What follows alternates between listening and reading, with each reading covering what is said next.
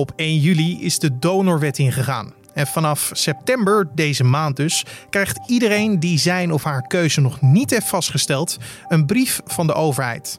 Als je na meerdere herinneringen niet een keuze hebt gemaakt, word je in het donorregister geregistreerd als geen bezwaar tegen orgaandonatie. Om mensen te helpen met deze keuze gaat de Nierstichting ze een handje helpen. Dit wordt het nieuws. Maar wat een hele belangrijke vraag is, is eigenlijk van wat nu als je zelf ziek wordt? Verwacht je dan zelf een orgaan van iemand anders te kunnen ontvangen? Kijk, en die vraag doet mensen realiseren van hé, hey, het kan mij dus ook overkomen. En dan zou ik het natuurlijk wel heel fijn vinden dat ik kan blijven leven. Dus het is goed om ook die vraag naar jezelf toe te stellen. Orgaandonatie is niet een onderwerp wat je alleen voor anderen doet. Je doet het ook voor jezelf. Dat was Tom Oostrom, directeur van de Nierstichting. En vanaf vandaag zijn ze een test begonnen via donorkeuze.nl... die alle twijfelaars een handje zouden moeten helpen. Wat die test inhoudt en waarom het belangrijk is, hoor je zo. Maar eerst kijken we kort naar het belangrijkste nieuws van nu. Mijn naam is Carne van der Brink. Het is vandaag dinsdag 1 september en dit is de Dit wordt het nieuws middagpodcast.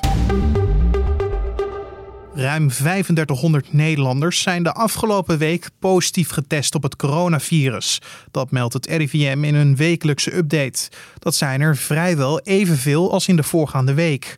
We zien dat er eerst sprake was van een stijging van het aantal besmettingen in de zomermaanden en dat er nu sprake is van een stabilisering. Het houden aan de afspraken en maatregelen resulteert nu in een positief effect, al dus een woordvoerder van het RIVM.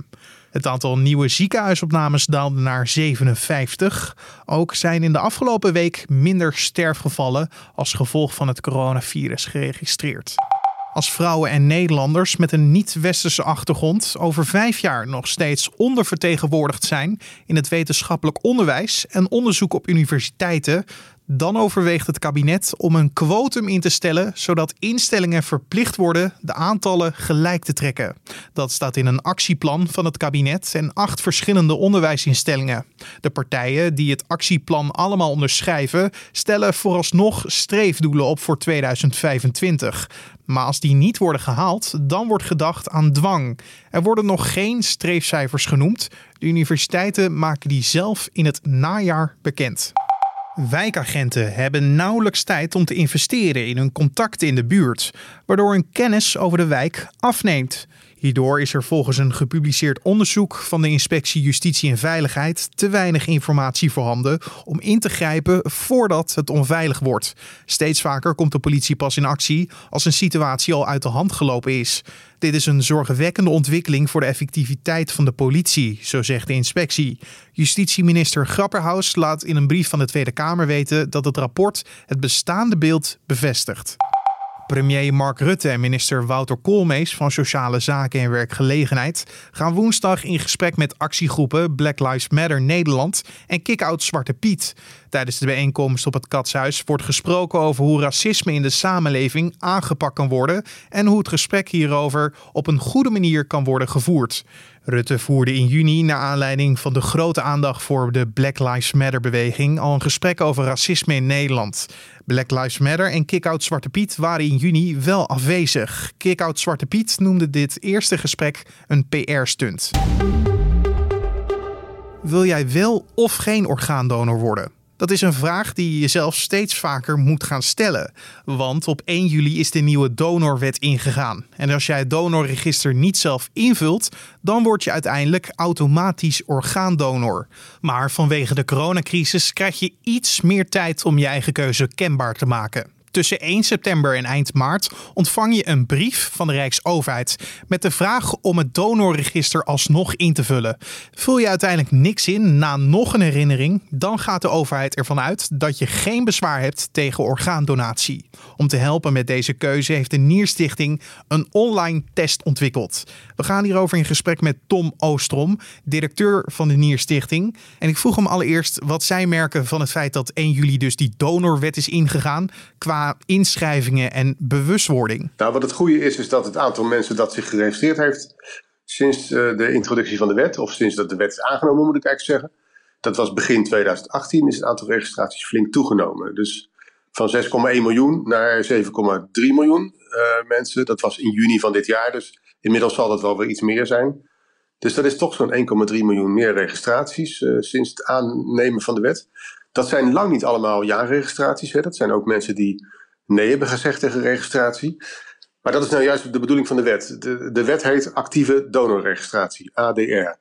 Dus dat betekent dat je mensen actief aanzet om een keuze te maken of je wel of geen donor wil zijn, of dat je het overlaat aan je nabestaanden.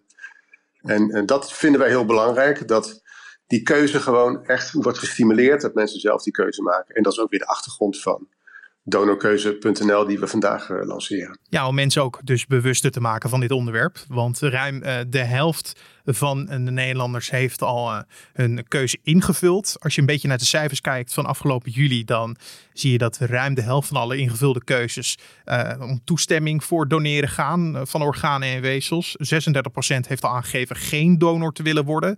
Kijken jullie positief naar deze cijfers? Ja, het is mooi dat mensen donor willen worden. Ehm, het is ook mooi dat mensen een keuze kenbaar maken. Hè? Want wij willen gewoon dat mensen die keuze maken die bij hun past. Kijk, het enige wat we natuurlijk wel steeds zeggen is: er is wel een probleem in Nederland. We hebben een, een groot tekort aan donororganen. Dat is door de coronacrisis alleen maar toegenomen. Uh, dus mocht het jezelf ook overkomen dat je ziek wordt en afhankelijk bent van een donororgaan om te blijven leven, dan hoop je natuurlijk wel zo snel mogelijk geholpen te kunnen worden. Nou, dat kan nu twee tot drie jaar duren, dus dat is eigenlijk ook de achtergrond van de wet.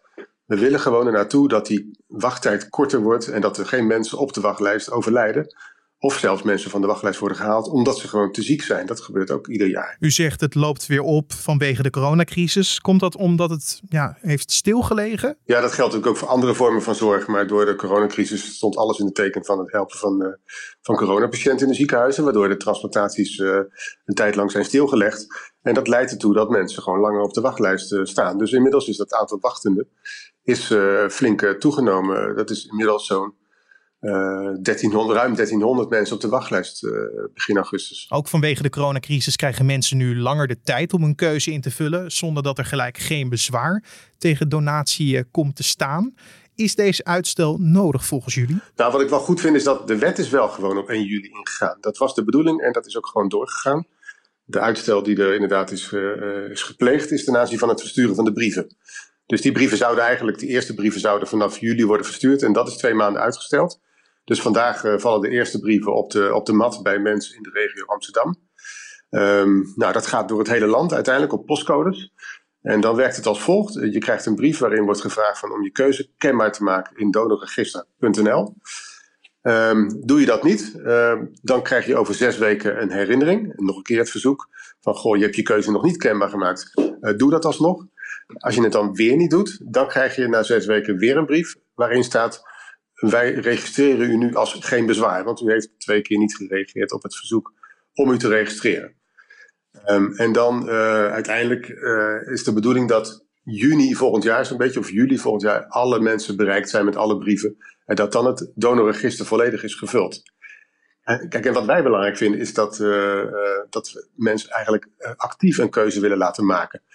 Dus mijn oproep aan iedereen zou zijn: ga zelf naar donorregister.nl en maak je keuze kenbaar, uh, ja of nee, of dat je het aan een nabestaande overlaat. In plaats van dat je als geen bezwaar staat geregistreerd. Ik zei net al dat ruim de helft van de Nederlanders al een keuze heeft gemaakt. Maar dat betekent dus ook dat er een heel groot deel van de Nederlandse bevolking nog geen keuze heeft gemaakt. Waardoor komt dat, denkt u? Ja, daar is, daar is wel eens onderzoek naar gedaan. Er zijn verschillende redenen voor. Um, er zijn mensen die willen niet met de dood bezig zijn. Dus, en op het moment dat je over donorregistratie praat, dan heb je het over je eigen dood. Dat, vindt men, uh, dat wil men nog niet. Andere reden is dat mensen zeggen, ja, ik moet het nog steeds een keer doen. En goed dat je het zegt, ik ga het ook doen. Maar het komt er gewoon niet van. Dat is een heel veel gehoorde, een veel gehoorde mening van mensen die zeggen, hartstikke goed dat het gebeurt. Maar het komt er gewoon niet van. En wat mensen er dan vaak achteraan zeggen is van... en daarom vind ik het goed dat die wet ook komt... want dan regelen jullie het wel voor mij. Ja, ja, zo, dan zeg ik altijd, zo moet het niet zijn. Je moet echt zelf die keuze kenbaar maken. Dat is het beste voor jezelf, maar ook voor je nabestaanden. Dus dat je nabestaanden heel duidelijk weten wat jouw keuze is geweest. En wat we ook zeggen is niet alleen registreren... maar bespreek ook jouw keuze met je nabestaanden. En dat is nou precies wat we met donorkeuze.nl willen bereiken. We hebben een test ontwikkeld om jezelf aan het denken te zetten uh, over wat past er nu bij je. Wat voor type mens ben je uh, in de overweging om wel of geen donor te worden. En bespreek ook die donorkeuzetest met je omgeving. Dus we willen vooral het gesprek op gang brengen. Ja, ik wil straks nog verder inzoomen op de test. Maar toch nog even terug naar de bewustwording van dit probleem. Zien ze de ernst van de situatie nog niet in? Ja, dat kan. Ehm, maar dat snap ik ook wel. Want als jij natuurlijk verder geen ziekte in je omgeving meemaakt, je hebt er zelf niet mee te maken, dan houdt het je niet bezig. En dat is natuurlijk heel anders dan als je iemand in je omgeving of familie hebt die dat wel uh, treft. Dan zet het je aan het denken. En zeker als het jezelf overkomt, uh, dan, dan zie je pas echt dat een wachtlijst van twee of drie jaar echt een probleem voor jezelf kan zijn. Je zou ook kunnen zeggen, misschien wordt er egocentrisch gedacht. Als jij in kern gezond bent, ja, dan ben je er niet mee bezig. Maar stel je wordt ziek en je hebt inderdaad een orgaan van iemand anders nodig, dan verwacht je dat opeens wel. Dat is natuurlijk wel gek dat je het wel van iemand anders verlangt, maar niet van jezelf. Hoe kijken jullie daarnaar? Ja, er, er is natuurlijk in de voorlichting nu heel veel aandacht voor maak je keuze bekend. Laat weten wat je wil zijn, wil je wel of geen orgaandonor worden. Maar wat een hele belangrijke vraag is, is eigenlijk van wat nu als je zelf ziek wordt? Verwacht je dan zelf een orgaan van iemand anders te kunnen ontvangen? Kijk, en die vraag doet mensen realiseren van hé, hey, het kan mij dus ook overkomen. En dan zou ik het natuurlijk wel heel fijn vinden dat ik kan blijven leven. Dus het is goed om ook die vraag naar jezelf toe te stellen. Orgaandonatie is niet een onderwerp wat je alleen voor anderen doet. Je doet het ook voor jezelf. Ja, wat een ander gevolg zou kunnen zijn dat die wachtlijsten die er nu zijn, eh, die ellenlang zijn, verder worden ingekort op den duur. Ja, ja, absoluut. En we weten ook uit andere landen dat als het, uh, waar eigenlijk de vergelijkbare wet is doorgevoerd als in Nederland, dat leidt echt tot meer orgaandonaties, waardoor mensen minder lang op de wachtlijst staan. Dus minder lang in onzekerheid zitten. En ook minder ziek worden op de wachtlijst. Dat is ook nog wel belangrijk. Want je wordt niet zomaar op de wachtlijst gezet. Als je op de wachtlijst staat, dan heb je echt heel hard een orgaan nodig om te kunnen overleven. En om die stap, in ieder geval dat denkproces laagdrempeliger te maken, hebben jullie dus nu eh, die, die, die test ontwikkeld. Uh, en welke vragen eh, stellen jullie dan in, in zo'n test? Ja, dat zijn hele verschillende vragen over, uh, over hoe je in het leven staat, hoe je tot beslissingen komt, uh, of je wel of niet iemand bent die anderen graag helpt. Het zijn er meer een soort filosofische vragen die iets zeggen over jouw levenshouding, hoe je in het leven staat. En daar komt dan vervolgens een profiel uit. Zeven profielen, zes profielen zijn er ontwikkeld. Bijvoorbeeld het profiel van de onderzoeker. Dat betekent dat je iemand bent die, die zich eerst heel goed verdiept in allerlei informatie voordat hij een besluit neemt over wat voor thema dan ook. Nou, dat, dus eigenlijk zeggen we dan tegen zo iemand van verdiep je dan goed in de informatie over orgaandonatie. Hier kun je het vinden en maak op basis van die informatie, uh, neem dan vervolgens een besluit wat je zou willen. Nou, je hebt ook het profiel van de helper. Dat is iemand die helpen van anderen vanzelfsprekend vindt. Nou, dat is een profiel dat over het algemeen heel erg goed past bij orgaandonatie. Zo zijn er zes profielen. Ik ga ze niet alle zes aflopen. He, dus op de website van de Nierstichting kun je die test doen en dan zie je ook de verschillende profielen staan. Het is dus niet zo dat wij op basis van die test een soort antwoord geven. Ja, u moet zich nu gaan registreren als orgaandonor. Dat is het dus niet. Er komt een profiel uit dat bij jou past op basis van de antwoorden die je hebt gegeven. En we hopen dat dat profiel jou weer helpt om uiteindelijk een keuze te maken. Er wordt veel gedaan om mensen bij te praten over de donorwet, uh, donorregisterschap, uh, uiteindelijk ook donatie, orgaandonatie dus. Hoe zien jullie de toekomst dan in, na alles wat er nu gedaan wordt? Ja, kijk, we worden met z'n allen ouder. Uh, we blijven met z'n allen langer leven. Dus ik denk dat de, de, de behoefte aan donororganen neemt alleen maar toe. Uh, dus deze wet uh, gaat het niet de hele wachtlijst oplossen, dat verwachten we niet. Het kan wel een enorm verschil gaan betekenen in positieve zin. Maar wat daarnaast ook van belang is, en daar investeren wij als Nierstichting ook in, is, is dat we investeren in onderzoek dat, een, dat ervoor zorgt dat een donororgaan langer meegaat. Het, is, het is nu zo dat als jij wordt getransplanteerd met een, een donornier hè, van een overleden persoon, die gaat gemiddeld 10 jaar mee. Nou, je wilt dat natuurlijk liever langer uh, uh, laten duren, zodat iemand niet weer zo snel of aan de dialyse moet of, opnieuw weer op de wachtlijst uh, terechtkomt. Dus dat is ook belangrijk. Naast deze wet moeten er ook allerlei andere zaken gebeuren die ervoor zorgen dat orgaandonatie gewoon nog effectiever wordt en je dus langer kunt leven met een donororgaan. Dat was Tom Oostrom, directeur van de Nierstichting. En wil je de test zelf ook doen, omdat je nog aan het twijfelen bent of als je gewoon nieuwsgierig bent, surf dan naar donorkeuze.nl. En dan het weer. Vanavond en vannacht gaat het met brede opklaringen weer flink afkoelen. Lokaal is ook een mistbank mogelijk. Morgen zien we de zon vaker dan vandaag. Het blijft nagenoeg overal droog en de temperatuur loopt op naar 20 tot 22 graden. En om af te sluiten nog even dit. Het KNMI heeft dinsdag samen met het Britse en het Ierse Weerinstituut een lijst met stormnamen voor het komende seizoen gepubliceerd.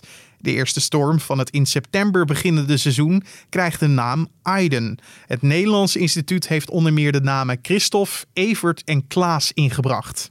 Het is de tweede keer dat de Weerinstituten gezamenlijk een lijst met stormnamen publiceren. Het KNMI heeft zich namelijk vorig jaar aangesloten bij de Britse en Ierse weerdiensten, die al sinds 2015 samen stormen van een naam voorzien. De namen moeten mensen bewuster maken van het gevaar van stormen, zo stelt het KNMI. De eerste Nederlandse naam is Christophe en verwijst naar Christophorus Buisbalot, de oprichter van het KNMI. Andere namen, zoals Evert en Minne, zijn gekozen ter ere van de winnaars van twee Elfstedentochten. En dit was dan de Dit Wordt Het Nieuws podcast voor deze dinsdagmiddag 1 september. De podcast vind je in de ochtend en middag op de voorpagina van nu.nl en in je favoriete podcast app, zoals Apple Podcast of Google Podcast. Wil je deze podcast nog beter maken? Dat kan jij namelijk door een mailtje te sturen naar podcast.nu.nl met erin vragen, feedback of suggesties. En zo maak je deze podcast nog beter. Dus stuur een mailtje naar podcast.nu.nl. Mijn naam is Carne van der Brink. Ik wens je een hele mooie avond en tot morgen.